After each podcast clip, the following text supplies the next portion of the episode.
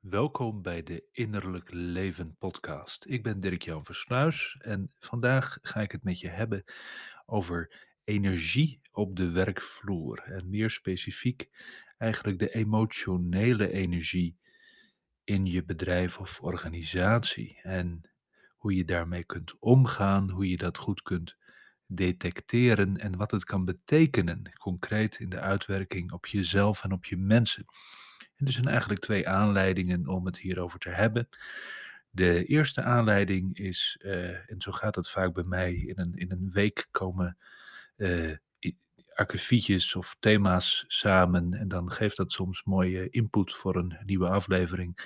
Ik kreeg een vraag over het herkennen van een zware energie die je kunt voelen wanneer je op een bepaalde plaats werkt, wanneer je in contact bent met een opdrachtgever, een klant of in je eigen organisatie.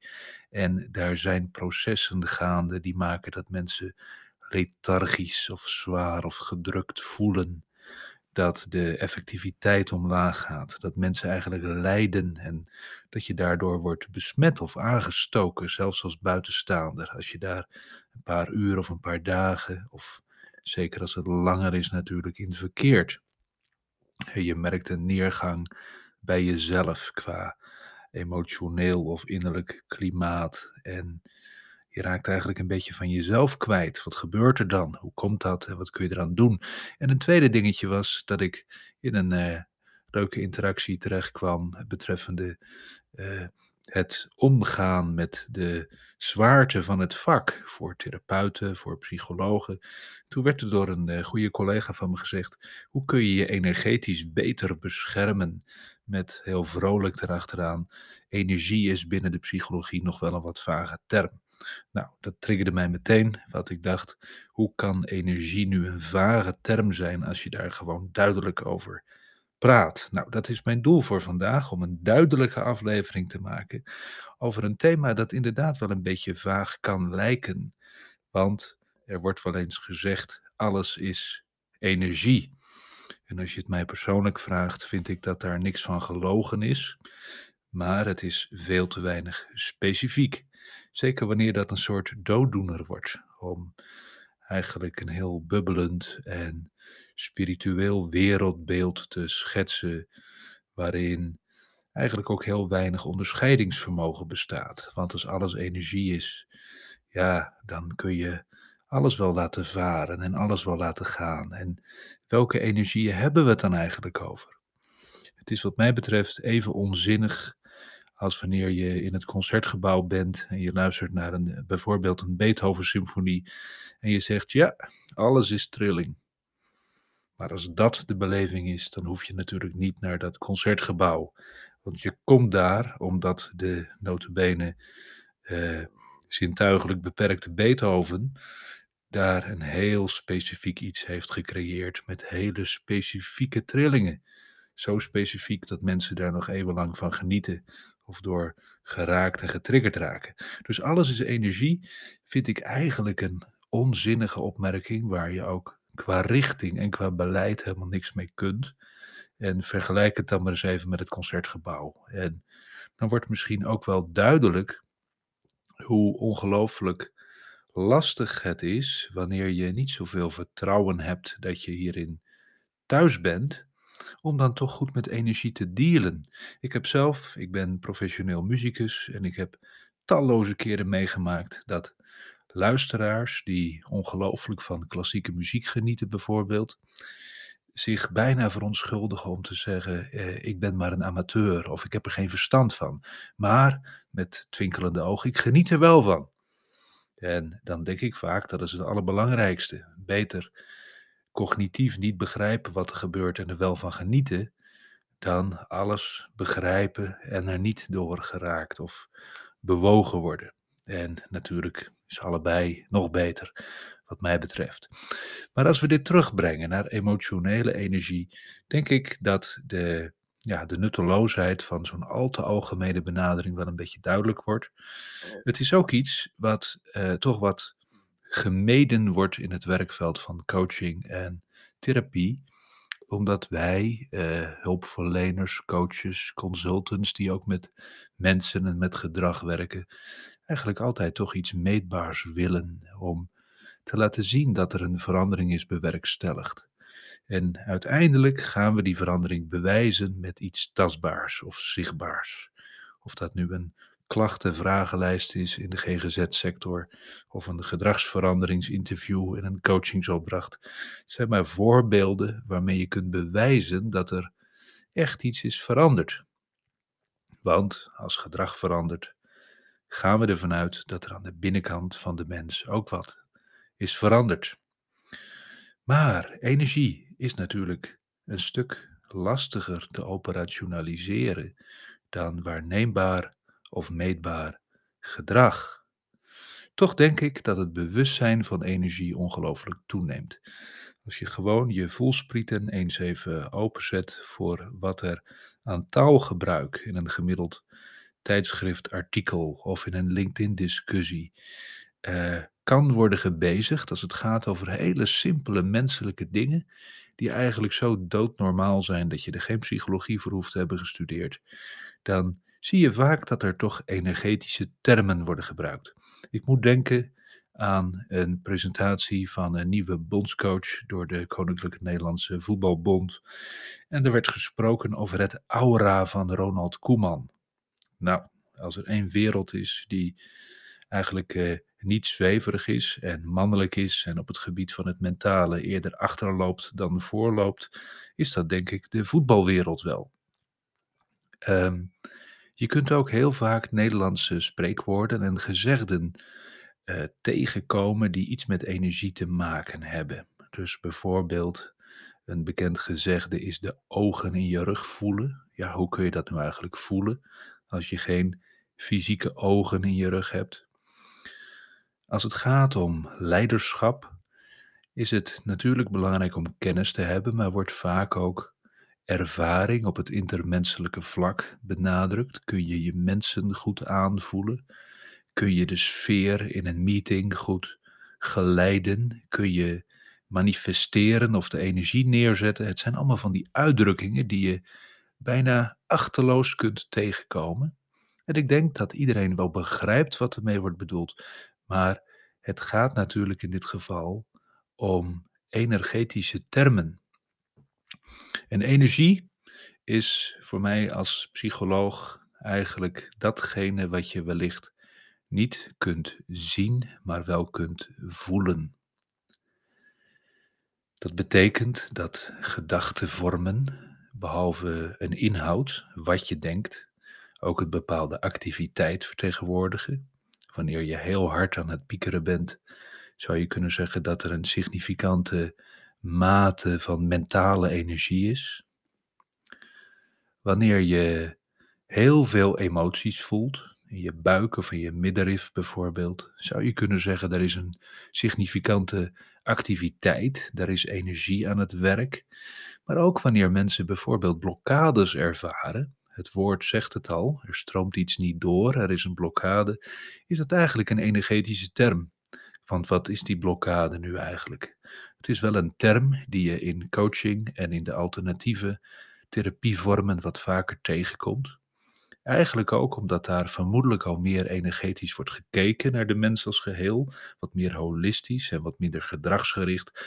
Maar wat is die blokkade? Is dat dat ik als het ware prompt stop met lopen? Of dat ik niet in beweging kan komen? Of dat mijn hoofd stopt met denken? Of dat ik bepaald gedrag niet kan vertonen? Of is dat misschien wel subtieler? Dat ik bijvoorbeeld het gevoel heb, er komt niet uit wat erin zit. Of ik functioneer eigenlijk niet helemaal als mezelf als ik in een bepaalde rol ben. En dat ervaar ik als een blokkade, want ik neem als het ware waar dat de natuurlijke flow verstoord wordt. Nou, dat zijn voorbeelden van hoe je energetisch kunt spreken over iets wat eigenlijk volop met de psyche en met het menselijke functioneren te maken heeft. Als het gaat over organisaties en over de werkvloer, zijn er denk ik twee belangrijke distincties.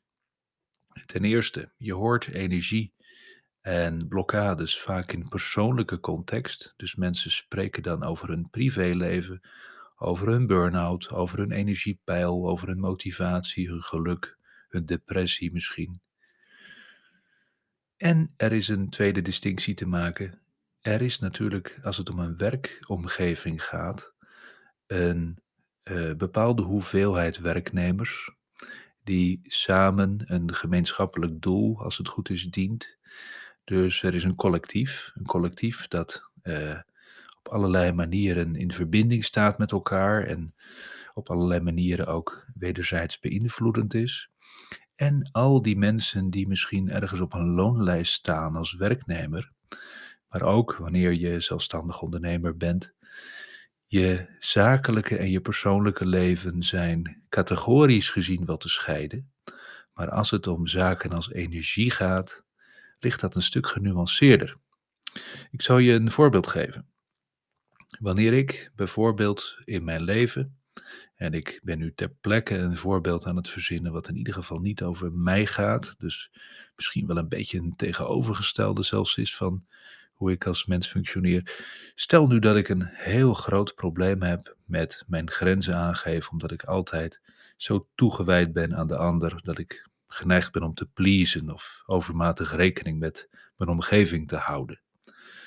Dat is eigenlijk uh, best een potentieel mooie eigenschap, die misschien in mijn privéleven ook wel context heeft. Misschien kom ik uit een gezin met bepaalde mate van hulpbehoevendheid of een ziekte in het gezin, waardoor ik geleerd heb om automatisch op broertjes of zusjes af te stemmen hoe het met hen is, hoe de vlag erbij hangt vandaag. Misschien heb ik een vader of een moeder met emotioneel, emotioneel onopgeloste thematieken in zich, waardoor ik, zoals Alice Miller dat beschrijft, eigenlijk ook geleerd heb om naadloos aan te voelen hoe is het met papa of met mama, ook al vertelt papa of mama er zelf helemaal niks over. Dit zijn voorbeelden van invloeden die kunnen maken dat je een wat invoelender en uitwendig gerichte stijl ontwikkelt, die gemakkelijk tot pleasen leidt. Misschien tref ik vervolgens wel een liefdespartner die uh, het heel fijn vindt dat ik heel veel rekening met hem of haar houd. En dan kom ik op de werkvloer en dan ga ik ergens werken, bijvoorbeeld in een bedrijf waar altijd een tekort aan rust en tijd is. Er is een enorme ambitie. Er is eigenlijk altijd een achterstand ten aanzien van de beoogde doelstellingen. En de bedrijfscultuur is dat we wel gaan met de banaan. Dat we gemotiveerd, ambitieus en energiek zijn, maar in de proces weinig tijd hebben om te voelen en te reflecteren. Natuurlijk heb ik een proeftijd. En als ik in die eerste vier weken, bij wijze van spreken, doodongelukkig word, dan zal ik vast wel opstappen of uh, weggestuurd worden. Maar stel nu dat daar toch een samenwerking ontstaat en ik ga op die werkplek maandenlang komen, dan zal mijn persoonlijke thematiek en de neiging om misschien te pleasen, af te stemmen op wat nodig is voor de ander of voor het grotere geheel, die zal ook in de werkcontext actief worden. Want dat is eigenlijk de weg van de minste weerstand. Om zo'n persoonlijk patroon, wat energetisch ook heel erg thuis voelt voor mezelf, mee te nemen in de werkvloer. En als je dan bedenkt dat je in je werkomgeving natuurlijk ook een significant deel van je leven doorbrengt, dan is dat niet zo raar dat dat eigenlijk ook actief wordt. Wat kan dit nu betekenen voor de energie in je bedrijf? Nou, uh, misschien ben je leider, manager, misschien ben je eigenaar van een bedrijf, misschien werk je gewoon in een bedrijf en luister je deze podcast en herken je dat daar bepaalde energieën voelbaar zijn op de werkvloer. Misschien is dat juist wel voelbaar wanneer je op vakantie bent geweest of wanneer je eens even van buiten afkomt uh, dat is een belangrijk gegeven, omdat er natuurlijk gewenning optreedt. Dus soms kun je als buitenstaander veel helderder impressies krijgen van hoe gaat het hier en hoe voelt het hier, dan wanneer je daar volop middenin zit. Betreffende de energie in een bedrijf, de emotionele energie, is het denk ik belangrijk om op te merken dat energie toch wel wat focus vraagt om te voelen. Dus het doel van deze aflevering is ook om daar je ogen voor zover nodig wat meer voor te openen, wat meer bewustzijn van te geven. Want het is nou eenmaal in onze werkcultuur over het algemeen niet het meest logisch om met je ogen dicht te gaan zitten en te voelen hoe de energie op de werkvloer is. Het is waarschijnlijker dat wanneer er bijvoorbeeld een onrustige energie in een bedrijf is, er is een fusie geweest en die sijpelt door in alle lagen. Er wordt aan het roeren van het stuur van het bedrijf getrokken van bovenaf. En je voelt hoe dat eigenlijk alle mensen linksom of rechtsom treft en raakt. Misschien niet in de eerste week, maar wel na een aantal, na een aantal maanden. Misschien is er, zoals Philippe Bayeur dat in zijn prachtige boeken beschrijft, wel trauma-impact in je bedrijf of organisatie en worden de sporen daarvan steeds meer zichtbaar. Nou, meestal gaan dit soort invloeden onder water. Dus als er een onrustige vibe is in je bedrijf of organisatie, is het des te waarschijnlijker dat je daarop reageert door harder te gaan lopen, minder te voelen, minder attent te zijn op hoe het eigenlijk gaat, met jezelf, met anderen. En het is misschien veel duidelijker voor een buitenstaander, of voor iemand die net drie weken op zomervakantie geweest is, dan voor iemand die daar geleidelijk aan elke dag in wordt meegezogen of meegenomen. Want wij zetten ons erg makkelijk naar energetische bewegingen, automatisch, zonder het op te merken. Is er dus emotionele onrust in je bedrijf of in je organisatie? Kan dat energetisch voelbaar zijn, maar we voelen dat eigenlijk veel te weinig bewust. Want juist omdat het onrustig is, worden we aangezet om te blijven lopen, te blijven bewegen, te blijven denken ook. En is het steeds lastiger om gewoon eens even tot onszelf te komen en te ervaren hoe het met mijn zijnsgrond is.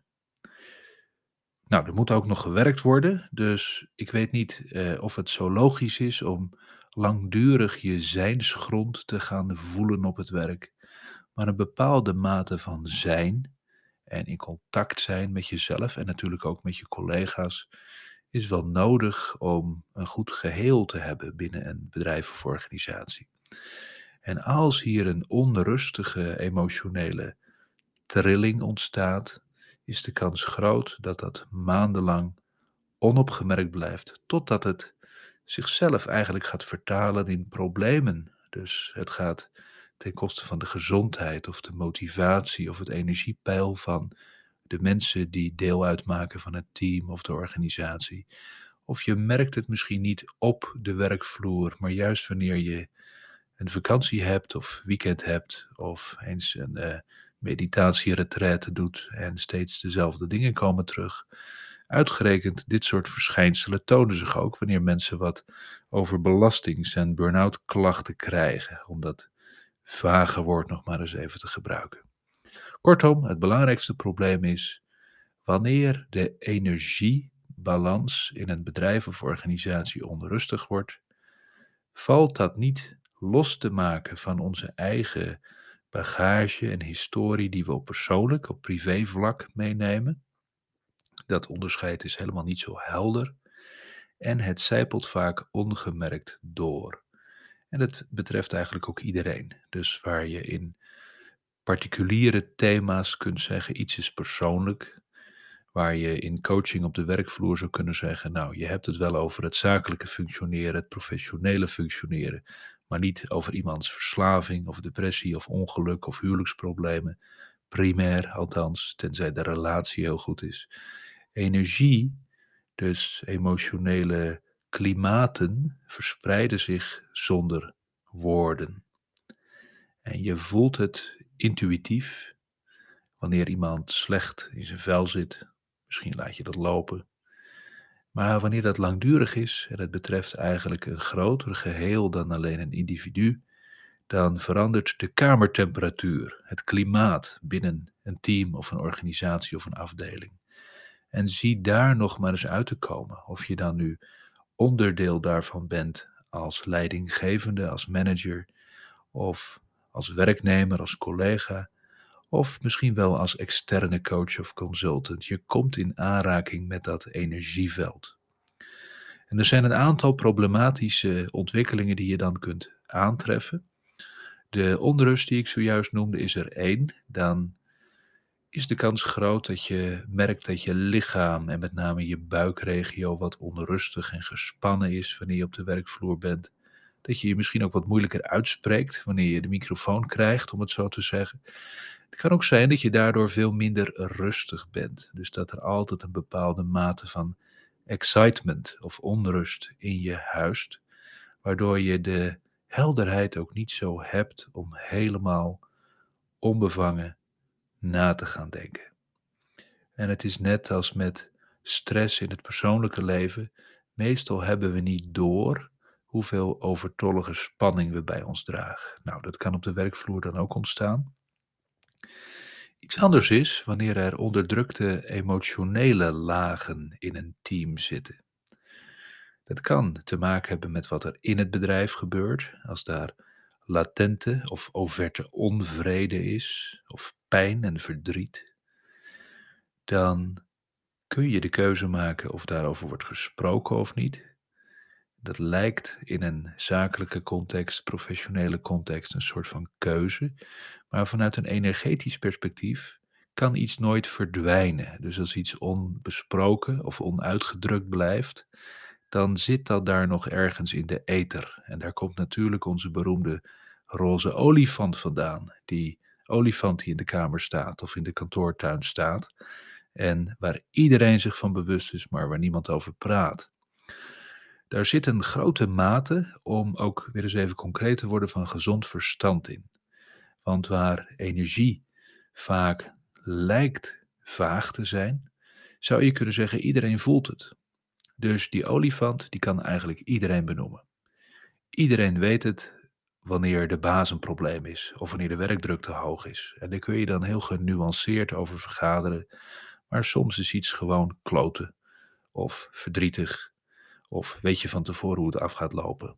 En dat lijkt misschien wat ongenuanceerd, maar ik denk juist dat energieën die heel duidelijk zijn, voor iedereen te voelen zijn. En dus ook best wel herkenbaar, tastbaar kunnen zijn. Emotionele verwaarlozingsenergieën zijn een categorie apart. Wanneer die onderdrukte emoties, dus die vele olifantjes, lang genoeg in de lucht hangen, dan hechten ze zich als bloedzuigers aan ons. En dat kan betekenen dat ik gefrustreerd raak in mijn emotionele klimaat van binnen. Dat ik motivatie verlies, energie verlies, omdat het eigenlijk iets raakt wat voor ons heel belangrijk is en wat ook in het psychotherapeutische vak heel essentieel is, maar vaak over het hoofd wordt gezien, dat we allemaal onze eigen historie hebben qua emotionele behoeften. En het woord emotioneel tekort of emotionele verwaarlozing is daarin denk ik belangrijk. Ehm, dat heeft betrekking op wanneer we eigenlijk niet krijgen wat we op het innerlijke vlak nodig hebben. Dus het is zoals een plant die niet genoeg water krijgt. Het is nog steeds een plant. Uh, hij krijgt nog steeds water, maar misschien niet op het goede moment of niet in de juiste dosering. Je kunt dan bijvoorbeeld denken aan kinderen die te weinig begrenzing krijgen, wel veel cadeautjes, maar weinig duidelijkheid. Of die wel uh, heel veel begrenzing en uitleg krijgen, maar weinig affectiviteit, knuffels en liefdevolle uitingen. Of er is eigenlijk van alles goed in orde, maar er is weinig openheid. Dat zijn voorbeelden van wat je in een opvoedklimaat kunt tegenkomen. En natuurlijk hebben we allemaal zo'n emotionele historiek. En die hoeft helemaal geen problemen te geven op volwassen leeftijd.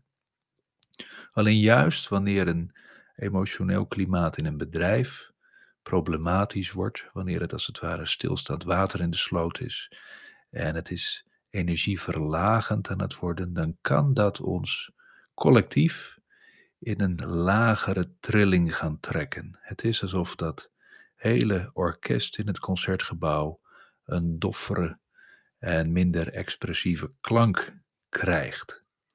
En als je niet uitkijkt, heb je niet in de gaten dat het gebeurt. Dus tekort is vaak veel minder duidelijk dan heftige ruzies, conflicten en trauma's. Daarvan kan iedereen zien dat ze er zijn. Maar energetische problemen gaan vaak ook onder water, ontstaan geleidelijk. Het is niet altijd duidelijk aan te wijzen waar het begint, maar op een gegeven moment zie je, net als bij een mens met emotionele klachten, dat het systeem of het team of de organisatie klachten gaat ontwikkelen, symptomen ontwikkelt. En dan kan het het raadsel zijn: waar komt dat nou vandaan? Waar is dat precies begonnen? Ik hoop dat dit tot nu toe wat ideeën geeft bij hoe emotionele energieën bepalend kunnen zijn of bepalend kunnen worden in een team of organisatie. Natuurlijk kan het ook in positieve zin gelden. We zitten in de week dat Feyenoord kampioen is geworden en er wordt veel gesproken over juist ook onzichtbare energetische zaken als team spirit, winnaarsmentaliteit, een positieve energie, kracht. Ehm, ik denk niet dat ik in staat ben om dat goed te analyseren, maar ik wil het toch als voorbeeld gebruiken dat een goede teamgeest en een teamontwikkeling juist ook heel versterkend kan zijn voor een emotioneel klimaat. En juist verbondenheid kan mensen in een collectief veel sterker maken dan individueel. Dus natuurlijk gaat deze podcast eigenlijk wat over de problematische kant, maar is er ook een counterpart wat veel positiever is. Wanneer er samenhang, kracht, verbondenheid, vertrouwen heerst in een team, wanneer je geraakt kunt worden, omdat het zo veilig is eigenlijk dat je nog net geen familie bent op de werkvloer, dan kunnen er hele grote hoogtes behaald worden die ons eigenlijk ook diep van binnen raken, zoals problematische ontwikkelingen op het werk ons ook diep van binnen kunnen raken. Maar dan neemt de verbondenheid met het bedrijf, met de organisatie alleen maar toe. En wordt dat een plek die qua energie groeit, die een mooiere orkestklank krijgt, waarvan het gaat stralen en waar iedereen eigenlijk ook in mee gaat stralen. Wat kun je hier nu mee? Wanneer dit enige herkenning bij je geeft, wanneer je je in meer of mindere mate bewust bent van energieën die je voelt in je werk, in je team, in je organisatie. Nou, dan heb ik eigenlijk een heel praktische tip voor je. Ten eerste een advies. Neem je eigen gevoel ongelooflijk serieus. Het allergrootste probleem wanneer we in een toxische of beladen omgeving komen, waar de energie niet helemaal goed loopt en stroomt, is dat we daaraan aanpassen en gewend raken. Dus dat we eigenlijk het perspectief missen om te zeggen: hé, hey, dit valt me op, dit voel ik, dit betekent echt wat hoor, dit is significant. Dat we dat bewustzijn eigenlijk verliezen, daar een soort onze ogen voor sluiten en er geen betekenis meer aan geven. Het is het begin van gewenning, van lethargie, van leegte en van eindeloze energie en dus ook effectiviteitsverlies. Neem jezelf dus ongelooflijk serieus. En stap 2, zodra je dat besloten hebt, dat je je gevoel heel serieus gaat nemen hierin, kun je bewust eens denken aan je werk als je leider bent of manager, denk je gewoon als je thuis zit eens aan je team, aan je organisatie, aan de eerstvolgende maandag of de eerstvolgende werkdag. En je gaat met je ogen dicht gewoon eens kijken wat gebeurt er dan in mijn lichaam. Als mijn lichaam nou zo'n concertgebouworkest was met Beethovens derde of vierde symfonie, hoe klinkt die dan in mijn buik? Natuurlijk is dit niet letterlijk, zijn dit vragen die bedoeld zijn om je te helpen hier goed naar te luisteren. En durf dan gewoon echt eens een halve minuut met je ogen dicht te luisteren. Wat komt er bij me naar boven en wat gaat er door me heen? Wat voel ik? Je kunt dit natuurlijk ook doen wanneer je werknemer bent, dus je bent niet in een leidinggevende positie.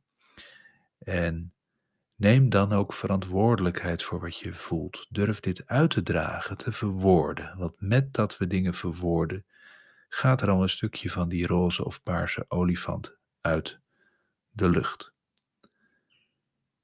Ten slotte, natuurlijk kun je ook op de werkvloer, wanneer je er middenin zit, rustig eens je ogen dicht doen en deze oefening herhalen. Ik hoop dat het je inspireert en handvatten geeft bij energie.